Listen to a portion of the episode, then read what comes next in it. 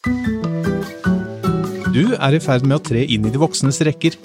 Dette er podkasten for deg som vil ha svar på det voksenlivet kaster på deg. Enten det er i form av bryllup, boligkjøp, barn eller noe helt annet. Vi snakker med inspirerende gjester og eksperter som deler sine råd og erfaringer. Dette er De voksnes rekker, en podkast fra Sparebanken Sør.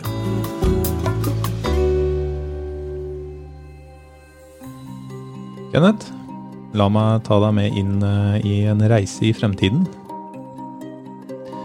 Du befinner deg i et rom. Pulsen din er lav. Bekymringene du en gang hadde, har for lengst svunnet hen. Du ser ut av vinduet, og skyene driver sakte forbi, og solen skinner. Varmen fra solstrålene treffer deg, og du får en følelse av komplett ro.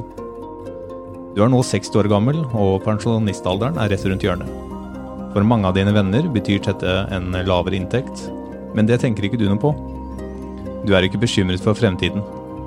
Du ønsker fremtiden hjertelig velkommen. Hvorfor har du ingen bekymringer? Det er fordi du for 30 år siden begynte å spare i fond. Og det har gått deg bra. Du har penger på bok og ingen økonomiske problemer. Du har sikret deg penger for fremtiden ved å spare i fortiden. Det virket kanskje helt håpløst i perioder når pengene sank, men du hadde is i magen og satt stille i båten. Fordi du hadde hørt på en podkast fra Sparebanken Sør om fordelene med å spare i fond. La oss nå dra tilbake til nåtiden og la oss lage denne podkasten, slik at du får en god økonomisk fremtid. Så Kenneth, ut fra denne introen, hva skal denne episoden her handle om, tror du? Jeg blir jo nesten helt salig, Morten, Morten, å høre på deg. Eh, den skal jo handle om langsiktig sparing. Og så var du jo inne på dette med pensjon, mm -hmm. og det kan jo være kanskje blant en av de mest konkrete langsiktige sparemåla vi har.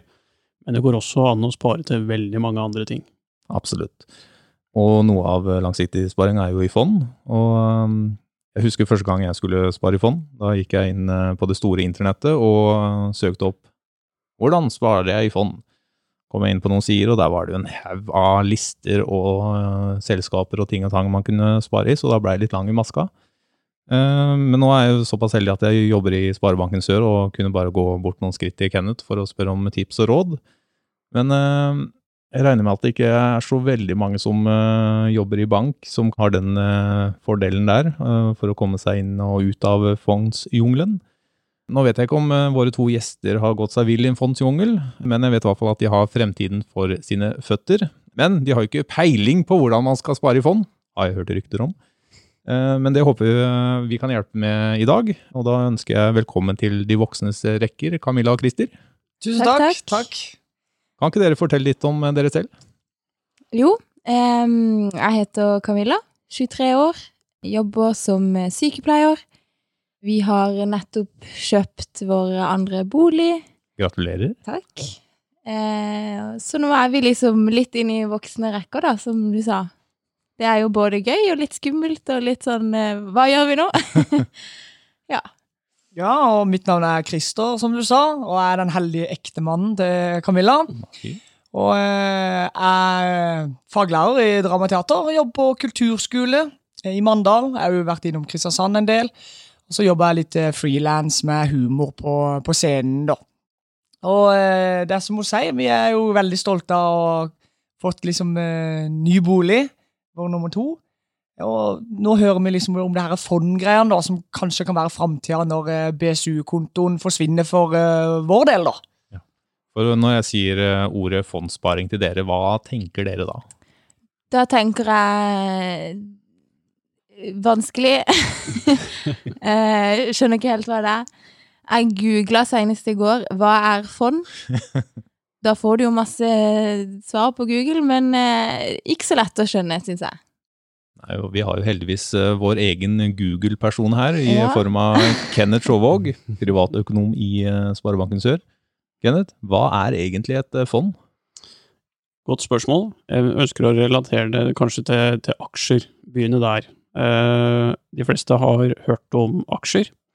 Det er jo sånn at du kan godt kjøpe en aksje i et eller annet selskap. Du kan eksempel kjøpe en aksje i Equinor, tidligere Statoil.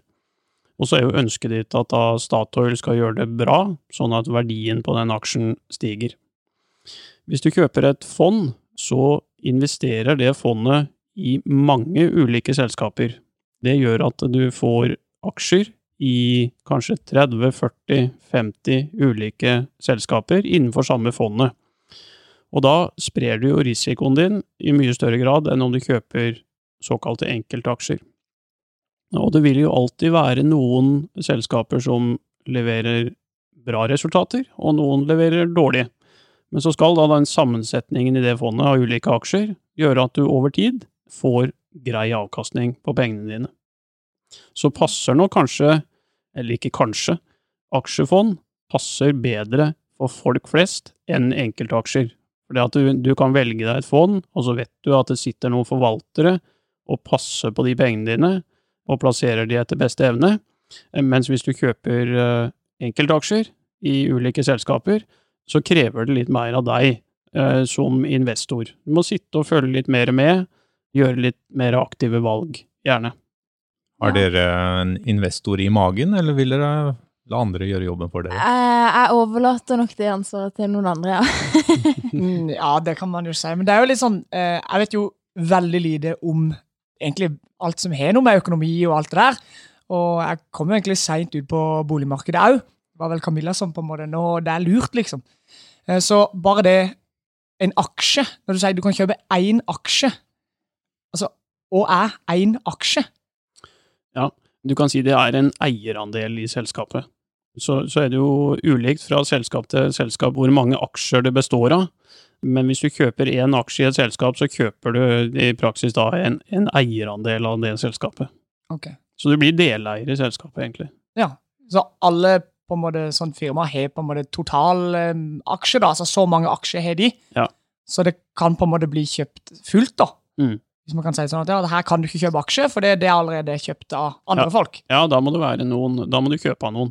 Ja. Da må det være noen som vil selge. Ikke Og sånn er det jo gjerne i større selskaper, at da, da er det alltid noen som vil uh, selge, og noen som vil kjøpe. Ikke sant? Ja. Mm. Så, men hvis du da er veldig sånn Ok, nå har jeg lyst til å tjene penger på dette her. Mm. Jeg har lyst til at uh, Sett meg litt inn. Istedenfor å bli blogger, så blir du på en måte aksjeselger, eller kall det hva du vil. Mm.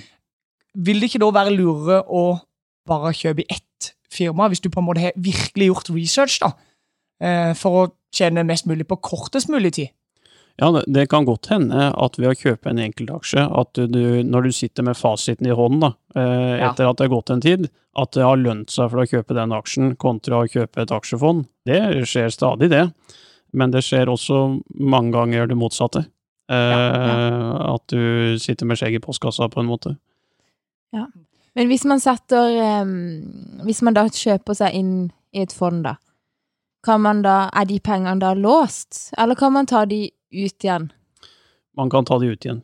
Uh, når som helst. Ja. Det som er viktig hvis man skal plassere penger i fond, er at man bør ha en viss langsiktighet. For Mm. det vil, så fort du utsetter pengene dine for risiko, eller verdisvingninger, så er det lurt å ha en viss tidshorisont på det. Det er dumt å sette inn eh, 10 000 kroner i et fond i dag, når du har tenkt å bruke pengene om et år. For da kan du være uheldig med timinga, ikke sant. Da kan plutselig markedet ha Mhm. gått ned noen prosent, og så har du tapt noen kroner. Så, så det vi sier er at eh, skal du inn i fondsmarkedet, og spesielt aksjefondsmarkedet, så bør du ha en langsiktig tidshorisont, som vil si fem år eller mer. ja. Koster det noe for å gjøre innskuddet, hvis man kan kalle det Eller å, ta det ut, da? Er, det noe Nei, så, så det koster eh, for forvaltningen, altså den, den jobben som gjøres med å passe på pengene dine, og gjør, kjøpe og selge aksjer, så, som, som gjøres av forvaltningsselskapet, da, det betaler du en, en pris for. Er det en på en engangsbeløp, eller er det i prosent? Nei, det er i prosent, og det er gjerne da bygd opp sånn at det spises litt grann av kursen, kursen på fondet, eller prisen på fondet, hver dag gjennom året.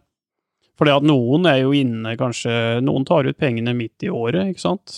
Og da skal de betale sin forholdsmessige andel av, eh, av gebyret. Så, så derfor så gjenspeiles det i, i prisen fra dag til dag. For alle sånne fond de prissettes da fra dag til dag. Ja. Sånn børsgreie. Som børsgreie, rett og slett. Mm. En app på iPhone. Børsapp. men Kenneth, eh, er, man setter jo inn noen penger i starten når man skal spare i fond, men eh, burde man eh, spre innskudda sånn over et år, eller burde man eh, pøse på med ganske mye i starten? Ja, der eh, kjenner man jo heller ikke fasiten før man eh, tar ut pengene til slutt. Men mange er jo naturlig nok opptatt av dette med verdisvingninger, som vi har vært inne på. Et aksjemarked vil alltid svinge den ene eller andre veien. Og det å gå inn med litt og litt, f.eks. for eksempel kjøpe for et fast beløp hver måned gjennom en spareavtale, det gjør at du sprer risikoen din ytterligere. Eh, For da vil du den ene måneden, eh, hvis du kjøper en tusenlapp hver måned, så vil du den ene måneden ha kanskje markedet gått veldig bra. Da er det eh, ganske dyrt å kjøpe, så da får du færre andeler i fondet for den tusenlappen. Hvis markedet har falt en del, så får du jo plutselig med deg flere andeler for den tusenlappen. Og alle markeder som har falt sånn historisk, skal opp igjen, stort sett. Og da, hvis du kjøper litt på salg, da, eh, at det har falt litt, så får du plutselig flere andeler som du får med deg oppturen på når det stiger. Så altså, det aller beste er jo å kjøpe fondsandeler på salg, men det er vanskelig å time. Men eh, det blir jo litt som å kjøpe julegaver i januar, egentlig. Det er, en, eh, det er en fordel. Det er litt kjedelig for de som skulle hatt de julegavene julaften, selvfølgelig. Ja. Men det er, vel, Det er jo veldig smart for året etterpå. Det er veldig smart for året Eh, etterpå. Men man er- glemmer det jo. Altså, selv om man vet at det er smart, så gjør man det jo ikke. Så Nei, liksom- det Men så da, hvis du følger dette fondet, eller de, det er jo mange da, selvfølgelig, men at du ser at nå er det lavt, Mhm. eh, historisk da, hvis man kan kalle det kan man, er det da lurt å bare smelle på? Kjøpe ekstra mye den akkurat når det ligger lavt da, i stedet for bare å kjøpe litt og litt hver måned? Ja, eh, ideelt sett så kjøper man når det er på bånn, og så selger man når det er på topp. Det er Ja. bare det at det er en helt håpløs idrett. Eh, og så tenker jeg det at det, det er jo de færreste som har vanvittig mye penger som de kan eh, kjøpe fond for. Så for de aller fleste så er den beste tilnærminga og beste måten å gå inn i fond på, det er også å ha en fast spareavtale. Ved et fast månedlig beløp, la sparinga bli en del av de faste utgiftene på en måned. Mm. eller på en måte. Kan man da opprette en sånn avtale i banken, da? Oh yes, Ja. det kan man. Så da trekker man månedlig da. Så da tenker man ikke på at Så noen ganger får man masse for de pengene, og av og til mindre, det- alt ettersom. Rett og slett. Så det er lure, faktisk, ja. Ja. Men nå er jo, det er jo sikkert et umulig spørsmål, men det er jo sånne spørsmål man tenker på som ung. Mm. Eh, hvis jeg bare tar en hypotetisk sum, la oss si at jeg brukte 50 000 da, Mm. i fond. Mm. Altså, hvor mye kan de stige da, om 30 år? Ja, det er jo mye, mye som kan skje på 30 år. Og så er det jo sånn at eh, hvis du plasserer pengene på konto i dag, på bankkonto, så er det jo historisk lave renter. Det har det vært i, nå har jeg vært i, i bank en god del år, så jeg føler jeg har mast om det i tolv år egentlig, at nå er det så utrolig lave renter. Eh, Og så på grunn av koronaen så blei det enda lavere. Eh, Sånn at du får jo nesten null i rente på sparepengene dine, med mindre du har BSU, da, som en del har. Men det er jo ikke alle som kan ha det av alder. Og hvis du da sier at du får eh, 0,3% på sparepengene dine på konto, eh, det er ikke mye, Eh, og så har vi i tillegg en, en prisstigning hvert år. Ligger kanskje på sånn rundt pluss-minus 2% i året. Og da, hvis du tar hensyn til det, så blir jo egentlig pengene dine mindre verdt hvert år når du har pengene stående på konto. Ja. Det er litt kjedelig, egentlig. Mm. Og det gjør jo at uh, enda flere i dag ønsker å se på alternativer til bankkonto på de langsiktige pengene. Altså ikke de du skal ha stående som en buffer hvis vaskemaskina ryker eller du må ha bilen på verksted, men de du kan tenke litt lenger med. Så er det sånn at så fort du går ut av bankkonto, så får du litt, eh, litt verdisvingninger inn i bildet. Og eh, som følge av det, så er også forventa avkastning litt høyere. Og hvis du går opp til aksjefond, så er kanskje forventa avkastning opp mot 6-7% i året i snitt, mens det på bankkonto ligger sånn i snitt på 1% 1 til 6-7 er jo ganske stor forskjell. Ja. Så kan du si på en månedlig spareavtale på 1000 kroner for eksempel, hvis du starter det i dag og holder på et år, så er ikke forskjellen på 1 og 6% så veldig stor i kroner og øre. Men hvis du gjør det i 10, 20, 30, kanskje 40 år, da blir det ekstremt mye. For da får du den rentes renteeffekten, som man sier, at man får renter på avkastninga. År etter år etter år. Noen har sagt, eh, det er kanskje litt overdrevet, men at rentes renteeffekten det er den, den største kraften som finnes i verden. Eh, litt satt på spissen, men, men det har, gir enorme utslag over, eh, over lang tid. Dere har jo veldig mange gode spørsmål her, men eh, hva er grunnen til at dere ikke har starta å spare i fond? Jeg har egentlig ikke visst veldig mye om det. Nei. Og så er jeg litt sånn der eh, Jeg syns til og med det er litt skummelt å sette inn på BSU. Ja. For da føler jeg at da har ikke jeg kontroll på mine penger. så det har kanskje vært litt med det, at når man har det på sparekontoen, så har man litt sånn Der er de der, og så har man kontroll på de der. Eh, og så har jeg bare egentlig ikke visst noe om det. Ikke tenkt at det egentlig har vært et alternativ, Nei. egentlig. Men hvis de nå velger å begynne å spare i fond, da, som jeg håper dere gjør etter denne episoden her, eh, hva de kan forvente seg da når de går inn i eh, fondsportalen til, eh, til banken de er i? Eh, altså Hvis de går inn i fondsportalen da, eh, til den banken man bruker, så er det gjerne ganske mange fond å velge mellom.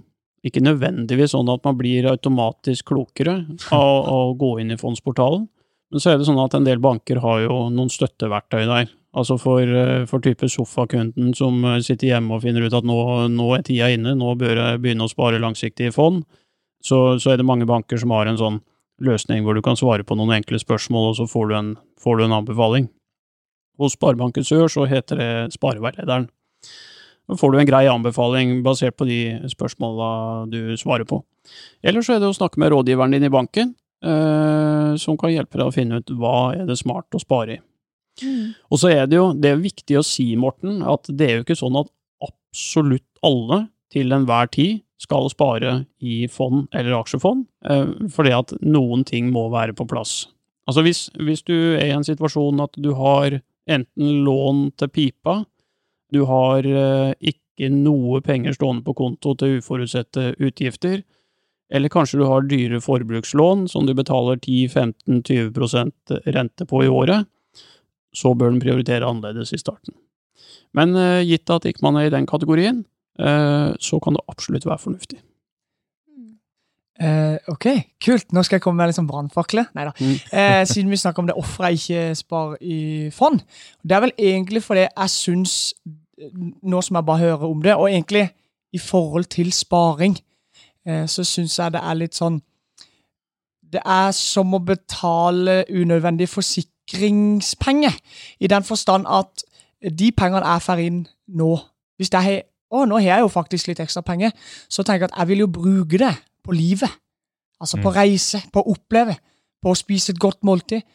Jeg vet ikke om jeg er her om 30 år, om 10 år, om en dag. Og da gidder ikke, eller så da tenker jeg at skal jeg sitte da og spare så mye penger for noe jeg ikke får bruk for? Og så kan man òg tenke ok, la oss si da at ja, så sparer jeg penger. Jeg sparer, sparer, sparer, og jeg lever lenge. Men da har jeg på en måte brukt de pengene som jeg kunne ha opplevd fantastiske ting med. Jeg kunne ha reist verden rundt. Jeg kunne ha opplevd så mye. Og så kommer det at når jeg blir 60, da, for det, altså jeg føler at man trenger noen år for å få den ordentlige avkastninga på penger. da. Så tenker jeg ok, men så lever jeg. Og så oi, jeg har litt ekstra penger. Men da er jeg 60. Da, er Da skal form- vi jo altså, reise til Granca. ja, du. Da, da, er det sånn, da trenger jeg ikke så mye penger. Da, da trenger jeg en tusenlapp for en billig tur til Gran Canaria sammen med eldrehjemmet. At jeg tenker, jeg vil heller bruke penger nå på fantastiske opplevelser. Altså, hvorfor er, Hvordan kan sparing slå det? Nei, eh, altså det er jo særdeles viktig at man skal leve greit i dag. Man skal ikke leve bare for framtida, det tror jeg er veldig viktig. Og det er jo ikke enten-eller her, tenker jeg. Det, det er en kombinasjon som gjelder.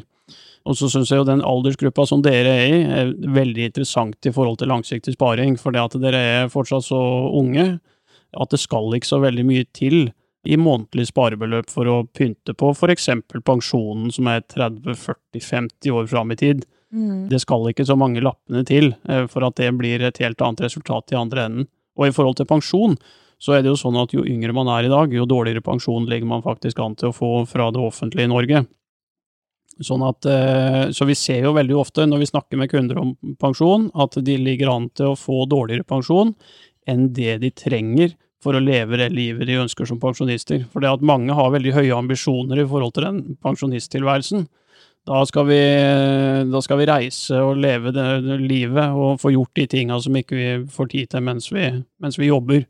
Men det koster jo penger. Altså Det ser den jo bare på seg sjøl. Når man har ferie og fritid, det er da pengene går. Det er jo en av grunnene til at vi går på jobb hver dag. Det er jo, altså For det første så tjener vi jo penger, men uh, i tillegg så har vi ikke tid til å bruke de. Sånn at uh, å sette av litt til fremtidig forbruk, for det er jo det sparing er. Det er ikke, vi skal jo ikke spare for å få det med oss til slutt, vi skal spare for å kunne bruke de seinere i livet. Uh, og pensjon er én ting, oppleves kanskje blant mange som fryktelig langt fram og litt kjedelig å snakke om. Men det kan være andre ting òg man har lyst til å gjøre fram i tid. Dra jorda rundt, kjøpe hytte, kjøpe den sportsbilen som du alltid har hatt lyst på. Eh, så det handler om å ha penger tilgjengelig til å gjøre ting du ønsker i framtida. Mm. Du var inne på det at man ikke trengte å sette av så veldig mye i måneden. Fordi det å spare i fond da, jo eldre man blir, jo mindre får man igjen. Eh, nå er jo dere unge og friske og raske, 23 eh, og 29. Men da vil jeg si at Camilla har jo et fortrinn her på Christer. Hun trenger kanskje ikke å sette av så mye penger i måneden som det Christer må? Nei, helt klart. Der, eh, det skiller jo noen år på dere. Mm. Så, så, der eh, har du, har du alle muligheter. Jeg er heldig. Men det er jo alltid gøy å leke med tall, da. Så jeg bare for moro skyld så kikker jeg på denne her spareveilederen til Sparebanken Sør. Hvis vi tar et eksempel da på Altså, du er 23 år i dag. Mm. si at du Hvis vi legger inn 1000 kroner, da 1000 kroner i måneden. Ja. Langsiktig. Ja. Eh, og så er vi litt uh, Vi tenker skikkelig langt fram. Vi tenker at eh, pensjonisttilværelsen Ja. Og vi ser jo det at jo yngre man er, så legger man an til dårligere pensjon, men man legger også an til å måtte jobbe lenger enn det um, de gjør i dag, før de blir pensjonister. Så si at du sparer i 45 år, da. Ja. Da er du 68. Eh, Skal vi se. Dere vet at det gikk ikke an å ligge 45 år engang. Jeg var maks 40 år. Nei, men tenk, tenk, tenk 40 år fram, da. Ja. Eh, og du eh, står med ett bein inn i pensjonisttilværelsen. Du har spart en tusenlapp eh, i måneden. Christer er på gamlehjem for lenge siden. Ja. Sikkert tatt kvelden. Eh, Jeg må ha litt penger til å kunne Kose kose meg litt, vet du. Og så sier vi at du på den tusenlappen, eh, i de 40 åra, så tåler du å se litt verdisvingninger, så vi, eh, vi anbefaler deg et eh, rent aksjefond. Og da står det her at eh, gitt forventa avkastning der, så har du spart opp 2 182 000 når du Ja. når 63 år. Det er litt penger, det. Det, det er mye penger, det. Ikke sant? For oss som ikke orker å regne bare om vi tusenlapper, det, er snakk om. Ja. Om vi er liksom Med økning er det. Fra liksom du setter sammen alle de tusenlappene. Ja, nei, så, så hvis du hadde spart de pengene på konto, så hadde du sittet med rett under 600 000. Ja. Det er forskjell på det, Det er stor forskjell. Ja. og det er på en tusenlapp. Og så var jo du inne på det, Christer, at du syns jo det er litt ålreit å leve litt greit i dag, men ikke bare tenke pensjonisttilværelsen og Gran Canaria. Men 1000 kroner, da, hvis en setter det litt i perspektiv, det er kanskje et, to kafébesøk mindre i måneden for en del. Det kan være et par sko mindre. Altså, det er mange som bruker disse pengene isteden. Mm. Jeg skal ikke si at det gjelder dere, men, men det ser vi hos mange, at uh, utfordringa er ikke hva man sparer i, men det er at man ikke sparer. Og jeg tenker det at hvis, hvis man kan ha en sånn avtale at det trekkes hver måned, så merker man jo egentlig ikke så mye til det heller. For det er i hvert fall sånn Man bruker jo de Ofte så bruker man jo de pengene man har. Og selv om man kanskje jobber litt overtid på jobben, så får man, tenker man at man får litt mer penger, men man føler jo egentlig ikke det. Når man sitter der i, på, i slutten av måneden, så føler man egentlig ikke at man har hatt så mye mer penger. For man bruker jo egentlig det man har. Ofte. Ja. Du kom jo med et godt eh, tips til meg når jeg skulle begynne å spare i fond, eh, Kenneth. Det var å den dagen du får inn lønn, da trekkes også den uh, summen. Sånn at du aldri vet det, på en måte. Mm. Ja, En tusenlapp fra lønnsslippen merker Så om så. Som 40 år så er det sånn Hæ, hvor kom de pengene fra? Eh, I mitt tidligere bankliv så jobba jeg som investeringsrådgiver i, i mange år, og da snakka jeg jo med mange kunder om at det kunne være lurt å spare. Og jeg snakka også om viktigheten av å, å sette av et fast beløp, uh, som Morten var inne på, når, når lønna kommer inn. Eh, og da var det ganske mange som sa at eh, nei, men jeg vil ikke ha noe sånn fast månedlig sparing. Jeg vil heller spare det som står igjen på konto når jeg får neste lønning. Da kan dere jo gjette hva som skjedde. Da Mm. blei det ikke noe sparing, eh, for da har man brukt de pengene isteden. Det er en ganske kjent eh, pengemann i eh, USA, Warren Buffett. Eh, han har sagt ganske mange fornuftige ting. Han har blant annet sagt det her. Bruk det som er igjen etter sparing, ikke spar det som er igjen etter forbruk. Det er et poeng. Sa han det på norsk? Han, eh, det, der har jeg tatt meg frihet og så oversatt det direkte.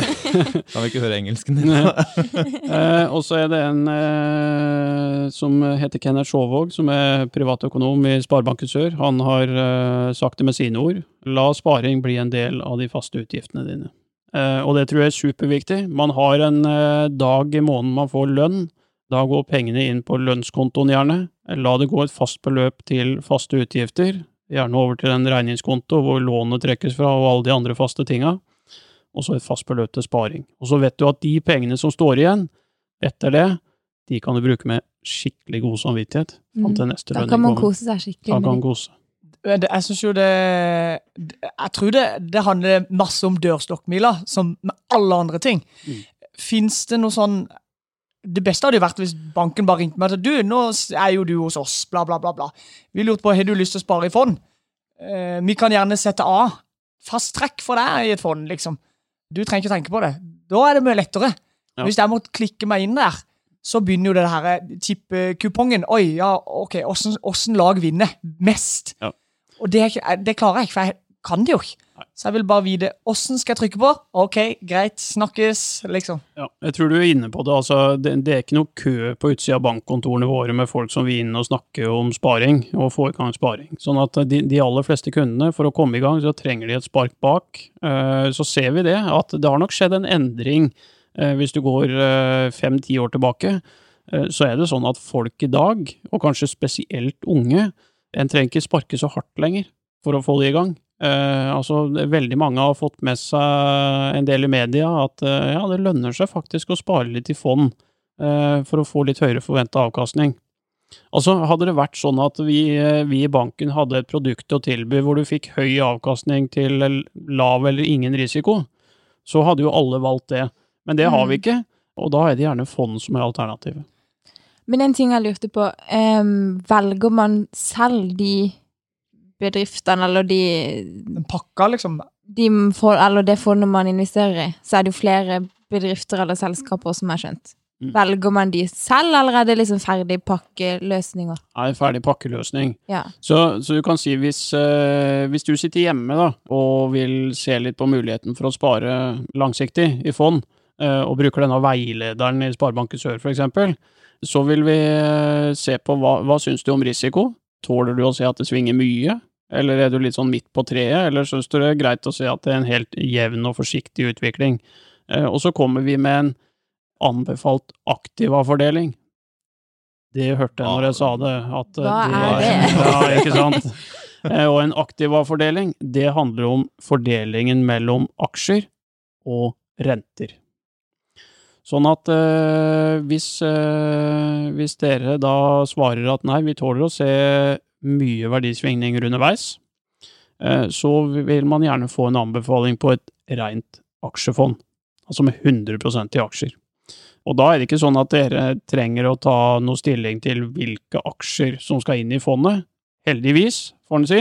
Da, da er det noen forvaltere som velger de aksjene for dere. Og så kan det være at du ikke tåler fullt så mye verdisvingninger. Da vil banken si at nei, da, da bør du ha en litt annen aktiva-fordeling. Da sier vi at eh, ja, da kan du ha 80% i aksjemarkedet, og så 20% i rentemarkedet. Og rentemarkedet, da, det kan være bankkonto, eller i de fleste tilfeller så er det rentefond. Så skal vi ikke gå kjempemye i dybden på rentefond, men, men hvis du setter pengene i et rentefond, da, så låner fondet ut pengene dine til ulike selskaper, og så betaler de selskapene en fastrente tilbake som kommer deg som kunde til gode. Så, Ja. så med, for å si det litt enkelt, så er rentefond egentlig fondenes eh, bankkonto. Kan vi spole litt tilbake, for du sier 'tåle det'. Hvis ikke du tåler risiko, altså tåler det, hva betyr det? Må vi ut Altså Nei, eh, da tenkte jeg ikke på først og fremst økonomisk, men jeg tenkte på følelsene dine. Ja. Eh, altså, syns du det er greit å se at verdien på pengene dine går ned? Eh, det er ikke alle som syns det er greit. Men er det det du Altså sånn, hvis du tåler det, Mm. er det det som på en måte gir mest eh, penger til slutt? Ja, altså historisk over tid så har det lønt seg å ta risiko. Og så er timing viktig. I forhold til timing så snakka vi om i stad at det er, det er en vanskelig, for ikke å si håpløs idrett. Sånn at det er greit å, å gå inn med litt og litt. Og så vil det være perioder hvor det faller, og det vil være perioder som det stiger. Og så er det viktig å ikke eh, velge en risiko som er, gir større negative svingninger enn det du syns er greit å se på. Men må man se så mye på det, da? Nei, det var det jeg tenkte. For hvis, det, Hvis man hvis setter inn 1000 kroner hver måned, Ja. og så tenker man ikke noe på det, og så Når du det da har gått, når du da er pensjonist, så Oi, der var du Jeg gikk inn og sjekka nå i eh, mars, når korona kom og Norge stengte ned. Så gikk jeg bare inn for moro skyld og sjekka de fonda jeg har. Der var det rødt, altså. Der var det minus. Mm. Men det har gått opp, opp igjen, da. Så Ja. kanskje følge med et par ganger i, i året, eller eh, burde man gå inn aktivt hver da og se? Nei, eh, det sier ofte at eh, de som, eh, de som går inn og sjekker fondene sine hver dag, hvis de har valgt å sette i gang en langsiktig sparing, jeg tror det er den sikreste veien til å bli gæren. Altså det, det å Ja. gå inn. Ja. Så jeg tror det lønner seg å velge en strategi, en risiko som passer for deg, verdisvingninger som passer for deg, enten å finne ut det ved hjelp av en digital løsning, eller ved hjelp av å snakke med en rådgiver. Ja. Eh, og så tror jeg ikke det er noe dum strategi å lukke øynene i lengre perioder, og så sjekke det av og til. Så det er litt sånn hvis, hvis man skal tenke langsiktig, da. Sånn som hvis jeg tenker at nå skal jeg begynne å spare til pensjon, så lønner det seg kanskje Altså jo lengre tid du tenker, jo mer risiko lønner det seg kanskje å ta. Ja. Eh, du, du kan si at eh, jo mer risiko tåler du egentlig, jo, jo lengre tidshorisont du har. Men for, umiddelbart så tenkte jo jeg da at da ville jeg ha gått, som du sier, 40, eller fram til pensjon, liksom. Så bare ha 1000 kroner i måneden, da, om det er på en måte, og så bare ikke åpne den før jeg på en måte skal gå av med pensjon. Mm. Det er jo det jeg tenker. Altså, En overraskelse. ja, ja, rett og slett. Det er jo det, er jo det, det blir. At, eh, for hvis det er jo som sier, Kikker du, så kanskje du får Oi, det er, kanskje jeg skal bare ta det ut. Eller kanskje du ser at Oi, jeg har jo gått litt i pluss. Jeg tar det ut. Ja. Altså, man kan jo gå mer i pluss. Så man bør jo bare sette seg det mål før man går inn for det. Det trenger ikke være 40, men at du setter deg et eh, mål. At jeg skal ikke gjøre noe med de pengene før det har gått så og så lang tid. Men så snakker vi jo litt Når du tok de her tallene her, så er jo det selvfølgelig Wow, hey, wow, det var jo gode tall.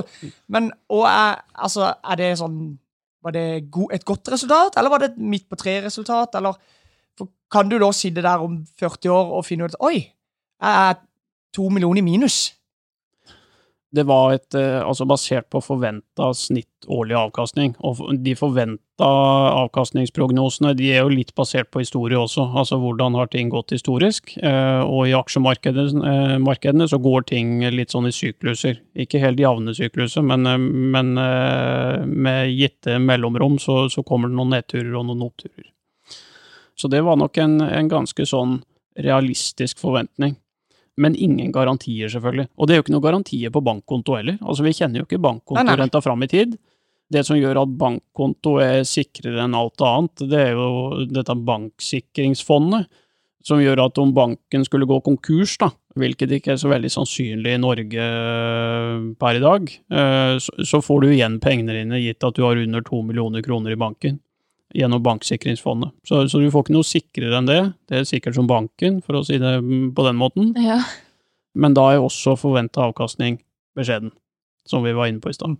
Så i, teoret, altså i teorien så kan man sitte igjen etter 40 år med to millioner i minus.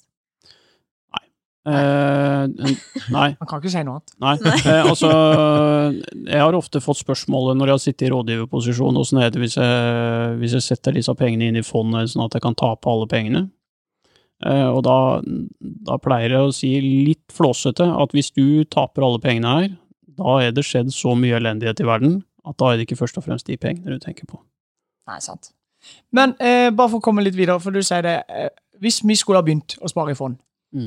For Du snakker om at ja, det kan være lurt å ha flere fond.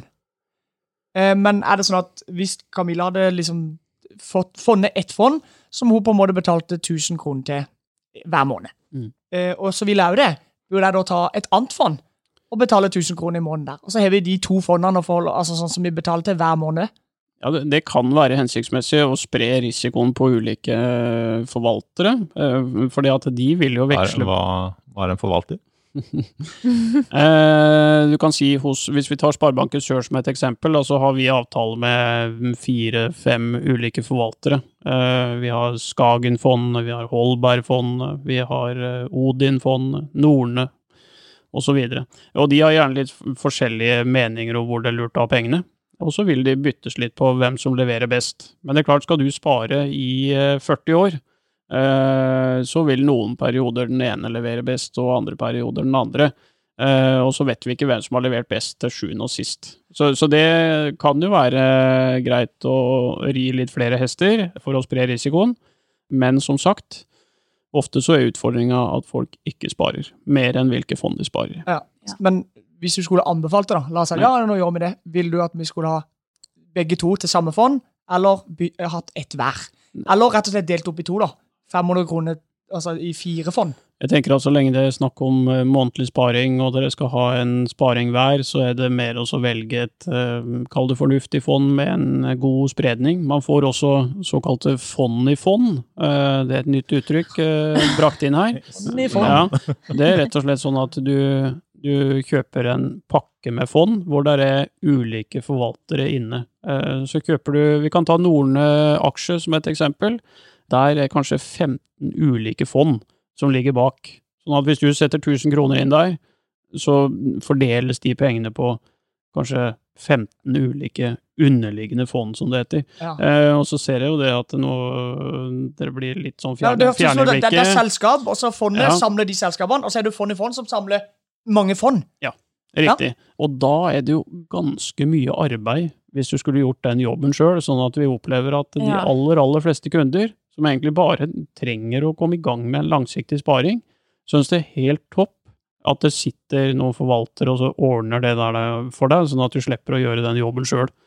Men uh, hvordan øh, Hvor blir de pengene plassert? De blir plassert i selskaper ute i verden, eller er det Norden? Og, eller er det, er det selskaper som driver med kull og barnearbeid og olje og Nei, nå, nå er det jo veldig fokus på, uh, på miljø og grønne fond og uh, lover og regler. Eh, Og de aller fleste vil jo at pengene ikke skal investeres i sånne lugubre ting. Absolutt. Mm. Eh, Så det, det er godt ivaretatt. Også hvis du skal ha et fond, så tenker jeg at det er et poeng at det er godt spredd på ulike regioner globalt. Altså vi må ha litt i Norge, litt i Norden, kanskje litt i Europa, eh, litt i USA, litt i fremvoksende økonomier, i Afrika for eksempel, eller Østen, eller eh, og også innenfor ulike industrier, sånn at du har flest mulig bein å stå på, rett og slett. Og så er det ikke sikkert at det fondet etter endt sparing gir deg det beste resultatet. Kan godt hende du hadde fått et bedre resultat med å gå inn i et helt spissa fond i én region i en, eh, innenfor en industri, men da er risikoen også en helt annen. Ja. Men i mine øyne så er ikke det så viktig. Jeg tenker bare at hvis du går i pluss, så må Mm. man heller være glad for at man gikk i pluss. Ja. Ikke, altså sånn, Hele livet handler jo om det, og hadde jeg bare gjort det, så hadde det kanskje blitt bedre. Jo, jo, men hvis det går godt, så er jo det noe å glede seg over. Mm. Men fond i fond versus vanlig fond, eh, hva er best? Altså, Når du sier fond i fond, så føler jeg at de som er forvaltere, det må være mer arbeid som gjør at de kanskje trekker mer penger for jobben. Eller er det feil å tenke? Uh, det er nok litt uh, feil, fordi at uh, hvis de blir for dyre, så priser de seg ut på en måte. Sånn at Det er hard konkurranse? konkurranse. Rett og slett. Men er det bedre enn bare fond?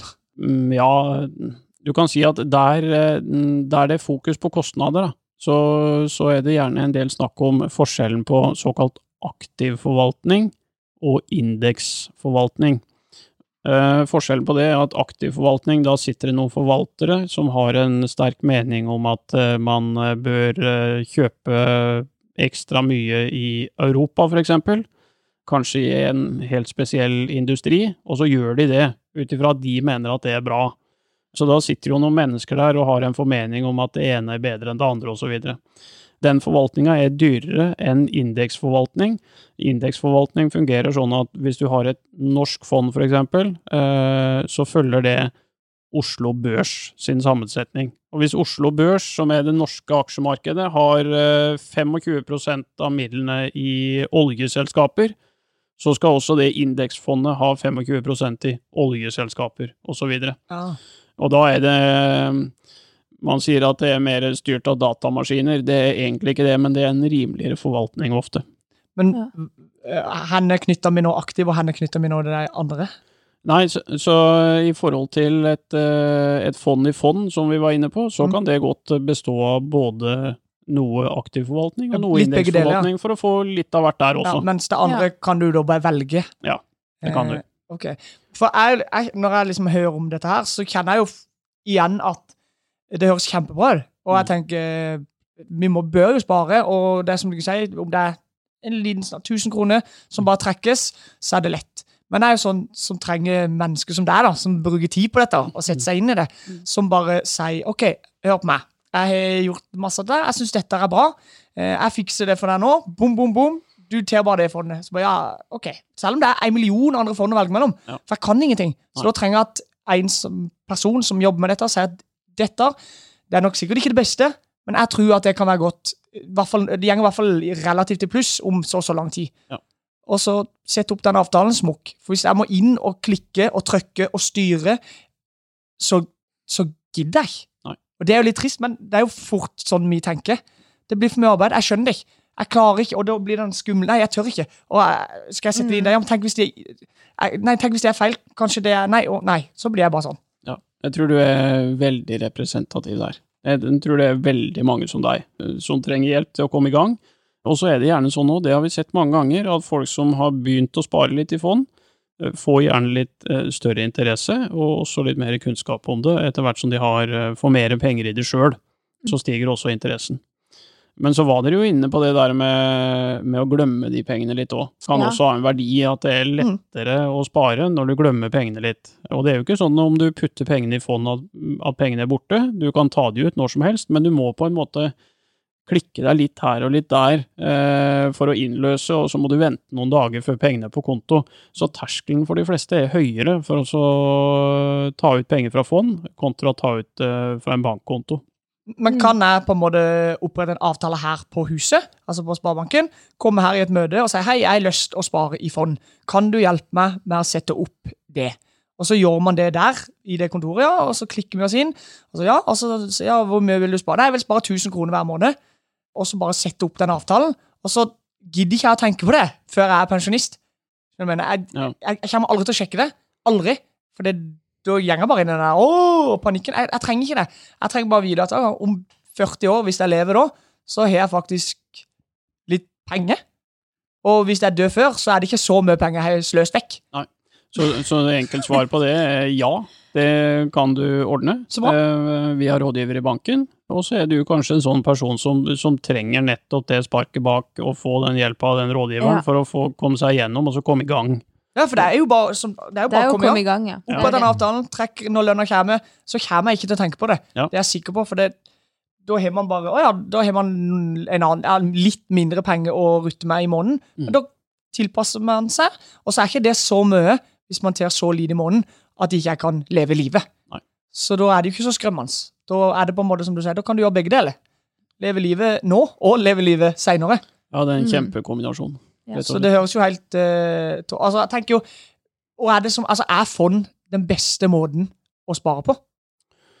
Hvis du skal spare langsiktig, og du ikke har et ønske om å være spesielt aktiv sjøl, Mm. eh, så mener jeg at fondssparing er det beste. Gitt at du kan leve med verdisvingningene. Eh, og det sier jeg fordi at man, man skal ikke plassere penger i fond hvis man mister nattesøvnen av det, og se at det svinger. Eh, så, så det Mm. viktigste er på en måte å plassere pengene sånn at man sover godt om natta. Ja. Men, men det vi snakka om i stad, at vi lever i en tid og har gjort lenge hvor bankrenta er veldig lav, pengene blir i realiteten mindre verdt hvert år, det, det gjør at uh, veldig mange syns det kan være interessant å ta litt risiko på pengene for å få litt mer i andre enden. Mm. Men uh, så er det jo sånn, vi har jo sikkert uh, en del lyttere, Morten, som er i, i BSU-alder, og det føler jeg Mm. jo at vi må nevne litt om. For det at uh, når folk kommer ned i 20-åra, så, så har de mulighet til å spare i BSU, altså boligsparing for ungdom. Og det er jo et gyllent produkt hvis, hvis målet er å eh, skaffe seg egenkapital til å komme inn på boligmarkedet. Altså Mm. kravet til egenkapital er jo blitt eh, veldig høyt etter hvert. Eh, Man må ha minimum 15% egenkapital for å kunne kjøpe bolig. Mm.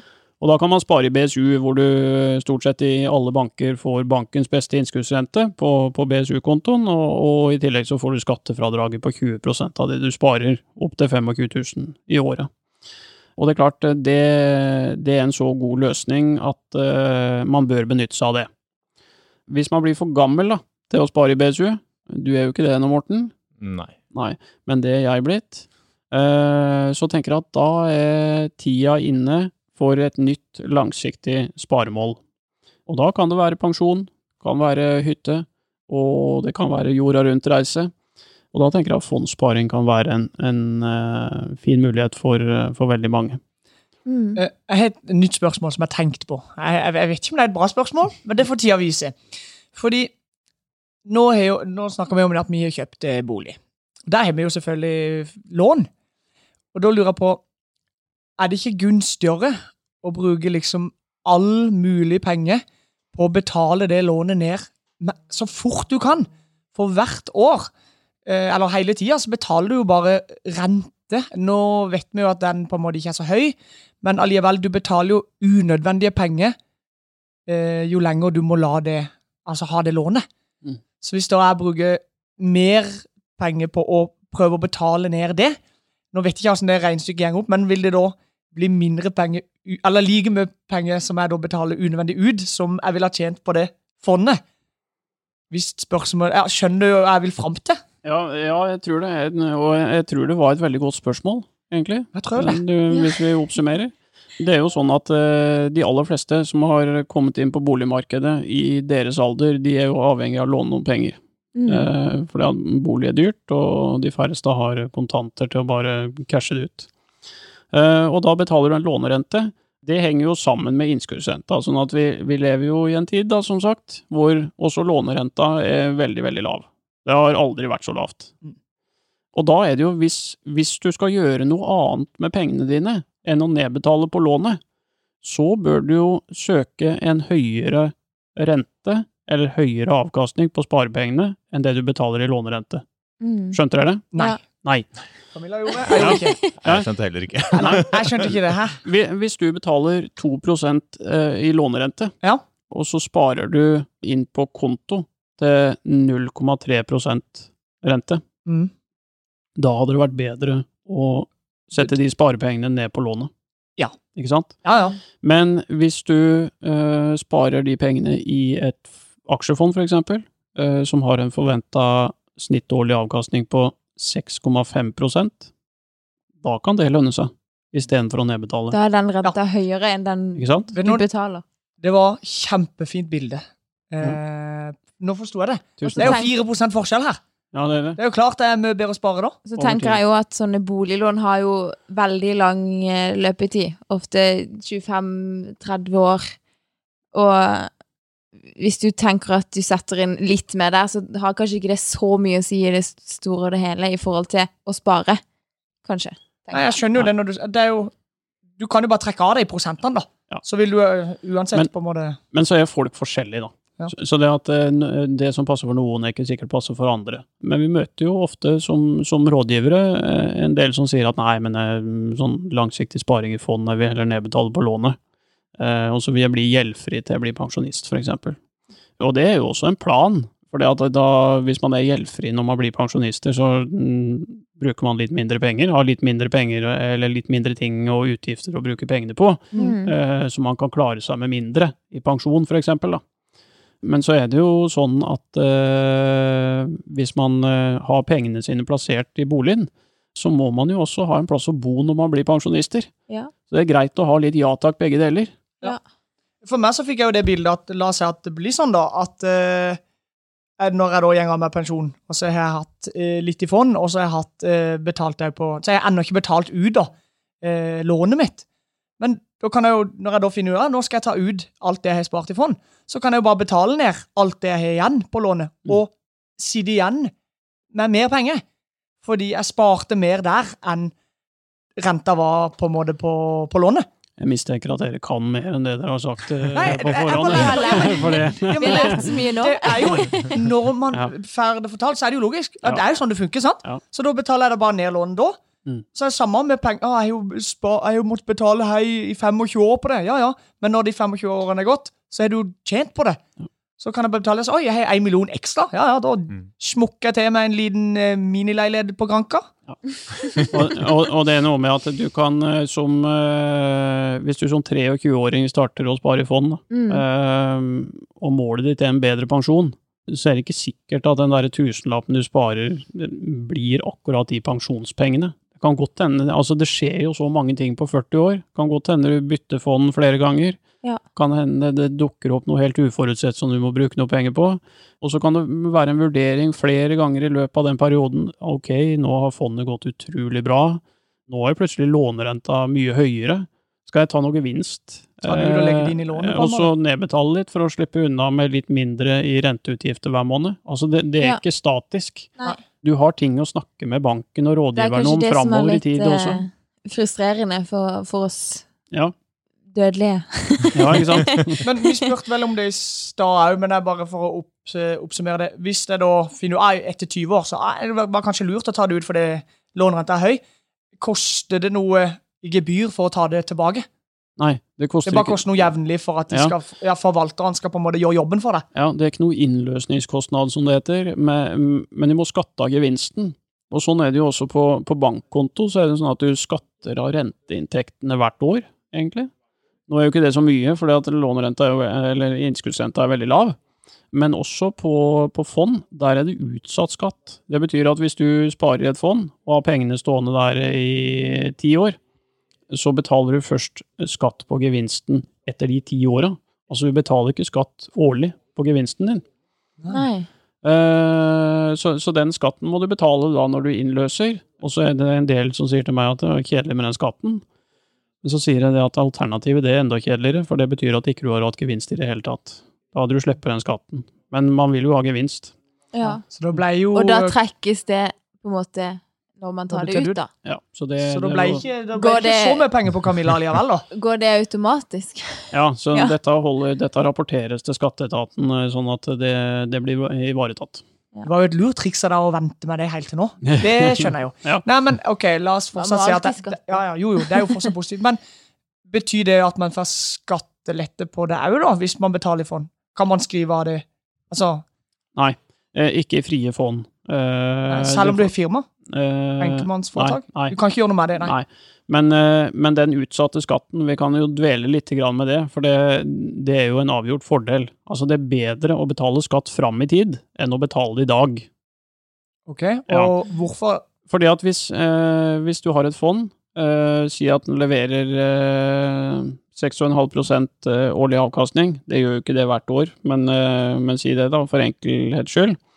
Hvis du da hadde måttet skatte av de 6% av hvert år, så måtte du jo betalt ut det hvert år, ikke sant? Ja. Men eh, når du betaler skatt til slutt, så får du jo avkastning på de pengene hvert år som du egentlig skulle betalt til skatteetaten, ikke sant? Mm. Og da får du, får du avkastning på de pengene som du ellers skulle vært ute med. Og da får du den der rentes renteeffekten som vi skrøt så i stad, at det var en enorm eh, kraft. Ja. Men det Blir ikke skatten da til slutt høyere òg, da? Jo, skatten blir jo da høyere fordi at gevinsten er blitt høyere. ja, men er mange prosent må du skatte?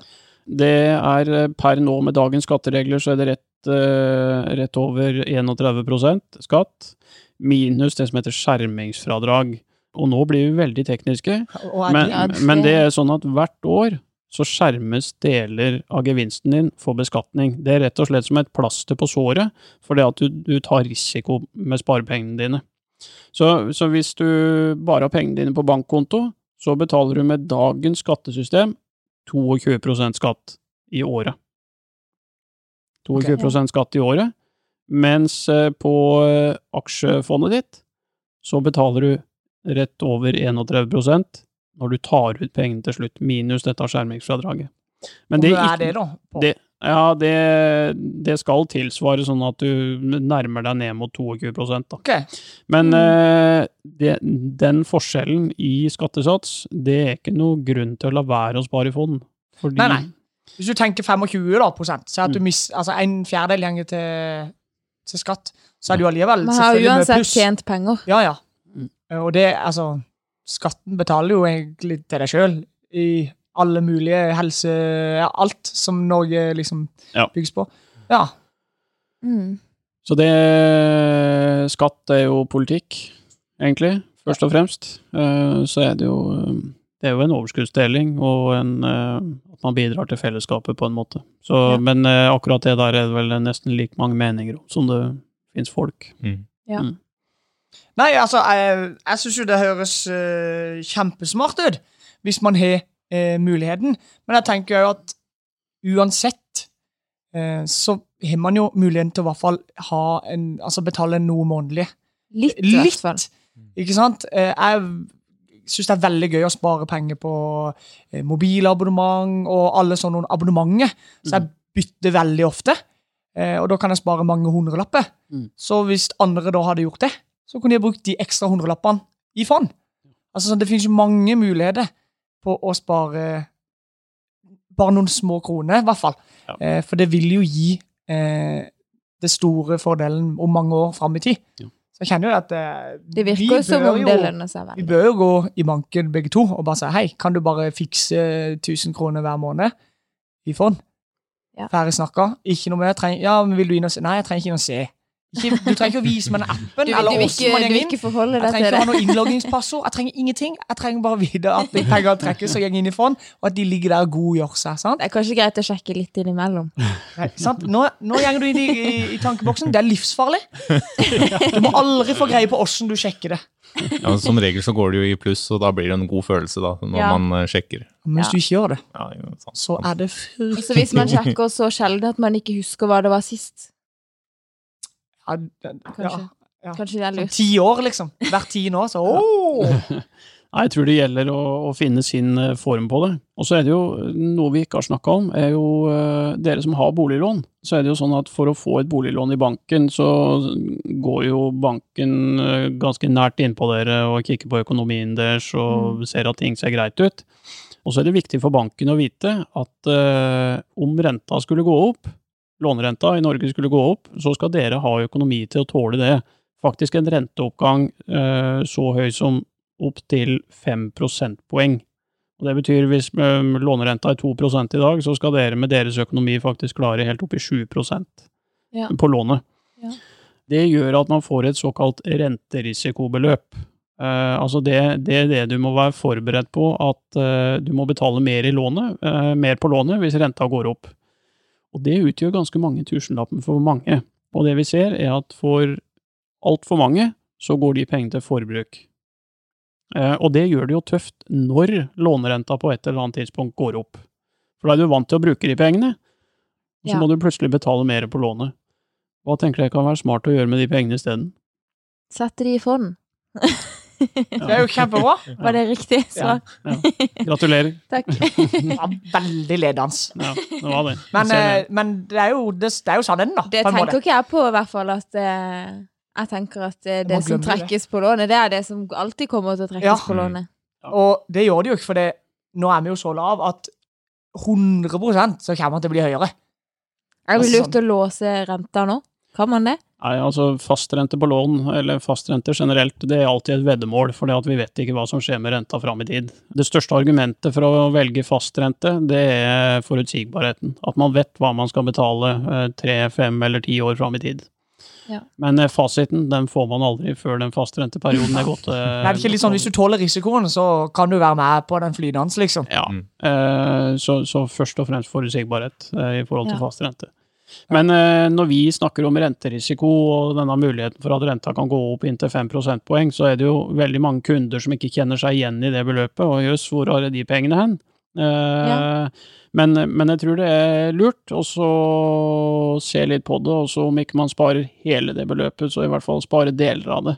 For det at renta går opp på et eller annet tidspunkt, vi vet bare ikke når, og da vet vi at det er lettere å redusere en sparing for å betale mer på lånet, enn å redusere et etablert forbruk. Ikke sant? For da kan man bare Oi, nå, nå ble det litt Ok, da må vi halvere, da. Da betaler vi 500 kroner i måneden for, på fondet. Ja. For eksempel. Og så er de 500 kronene som Ja, for eksempel, da.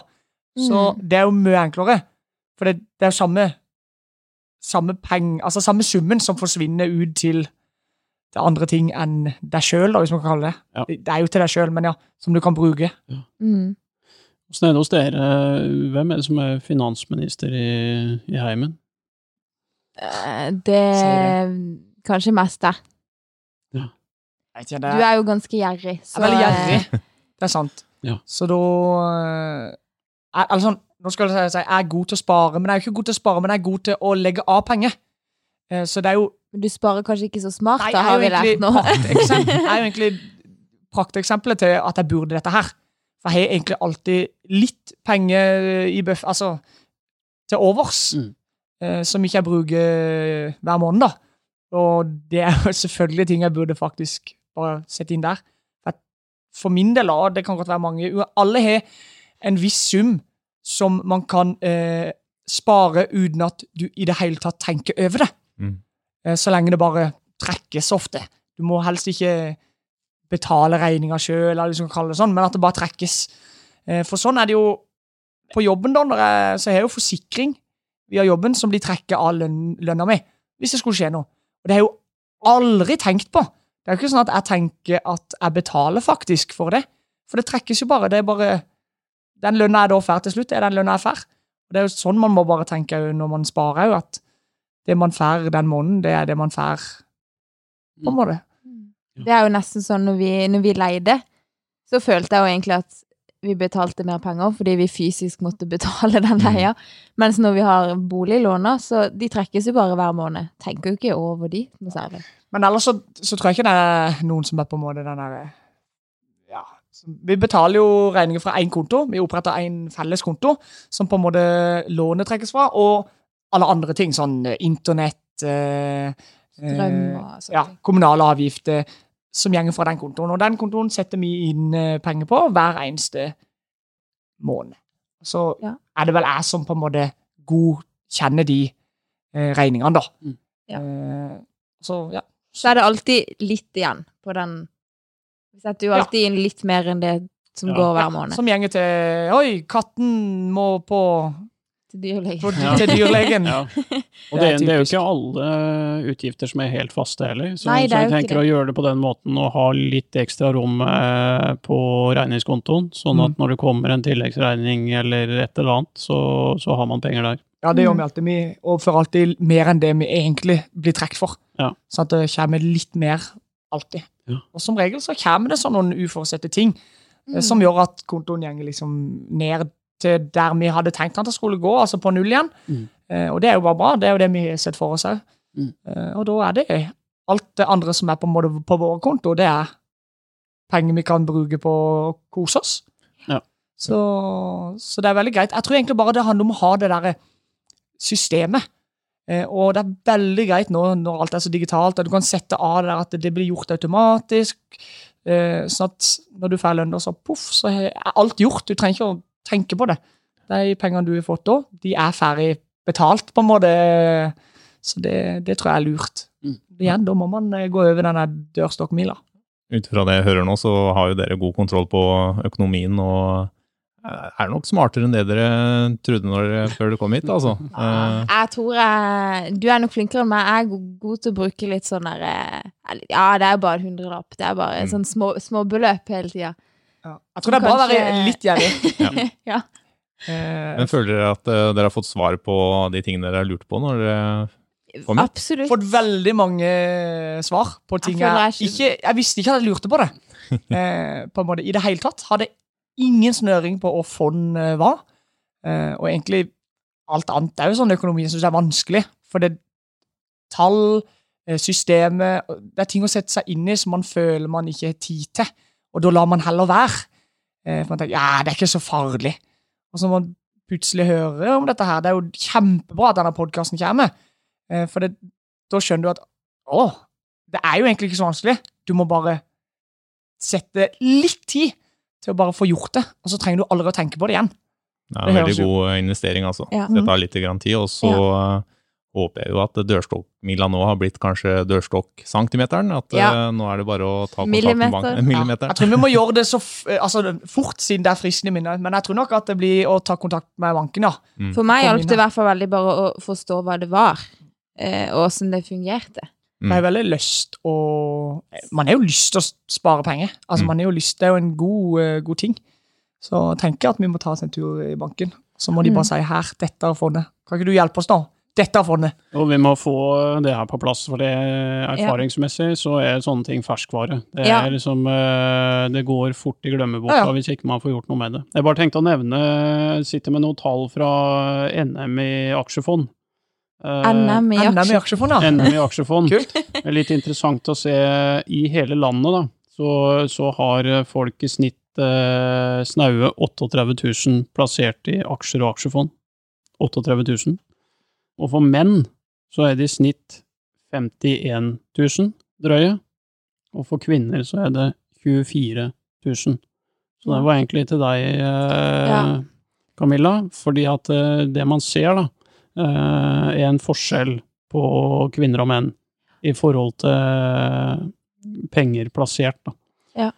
Så er der Dette er jo et likestillingsspørsmål også, fordi at det er fortsatt, dessverre, lønnsforskjeller, men det er også forskjellige interesser og kunnskapsnivå i forhold til eh, alternative plasseringer. Ja. Og så tenker jeg at eh, dere, eh, som er så unge, har alle muligheter til å, til å gjøre noe med det.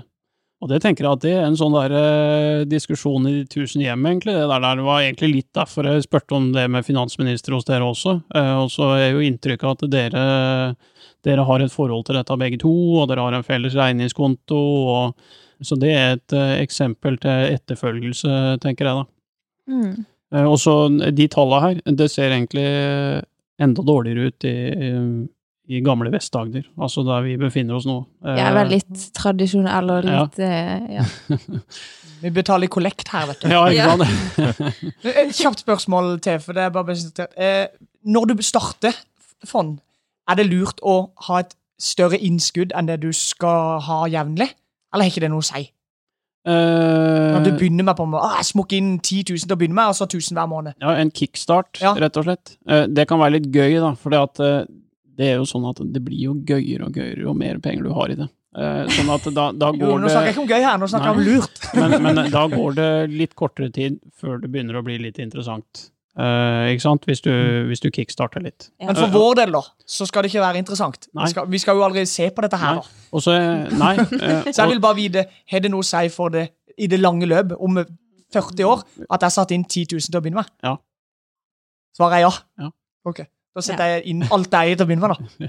Det var jo en annen bankmann eh, her i Sparebanken Sør som fortalte meg at uh, fondssparing det blir ikke gøy før du har runda 100 000.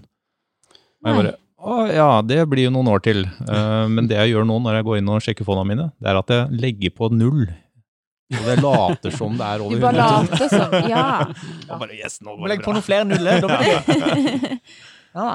Nei, men så en kickstart er, er ikke dumt, det. Nei, Hvis det man har litt til overs, på en måte. Det er jo bedre å hive de i fondet enn at de skal stå på den der dumme sparekontoen og bare Der er, der er jeg veldig dum. For jeg er alltid sånn i begynnelsen av måneden så tenker jeg jeg skal klare å spare litt mer. Setter jeg inn kanskje litt for mye på sparekontoen, og så ender det alltid med at jeg må ta litt ut igjen. Og da er det jo sånn gebyr, har jeg jo skjønt. Ja. Det har jeg tenkt, ja, det Så jeg må betale jo litt sånn gebyr hver gang jeg tar ut, eh, tar ut fra sparekontoen igjen. Ja, og så tror jeg hvis du hadde satt de pengene i fondet isteden, Så hadde det vært så, så hadde du latt det være. verre for- å ta de ut igjen. Ja, Ja. fordi at I hvis det er eh, minus der. ja. Ja. der, ja. Du tapte 5000, liksom. Nei, men eh, hva tenker du, Morten? Eh, kanskje sånn i ferd med å gå inn for landing? Ja. Lyst til å prøve meg på min lille oppsummering. Jeg syns det har vært veldig interessant eh, å prate med dere. Takk i likeså. tenker at eh, dere har alle forutsetninger for å lykkes også med langsiktig sparing. Begynn i rette ende. Ha en buffer, selvfølgelig, på, på konto til uforutsette kortsiktige ting. Man skal ikke tømme kontoen helt for å sette det i fond. Sørge for å ikke ha noe dyre lån som står i veien. Og har man de tinga på plass, så kan det være smart å tenke litt langsiktig med de pengene man har til overs. For eksempel da i, i fondsmarkedet. Eh, aksjefond eller en annen type, type fond, for å søke litt høyere avkastning. Men eh, vi burde kanskje ha en liten sånn takke... Takk til Sek- Ja, gjestene. ja. Ja, tusen takk. Ja. Vær så god. Bare hyggelig. Det var veldig koselig at dere tok turen, altså. Hyggelig at vi kunne komme. Ja. Nå har vi lært masse. Masse veldig interessant. Kjempeinteressant. Og jeg anbefaler egentlig bare alle, om du er interessert eller ei, eller ei, bare gå inn og i hvert fall få en liten samtale. Mm. For det er fryktelig spennende å høre om at man kan spare penger så enkelt. Mm. Tror det kan være vel anvendt tid. Om man setter av en time til dette her i ung alder, eh, så er det ting man kan ha glede av langt fram i tid.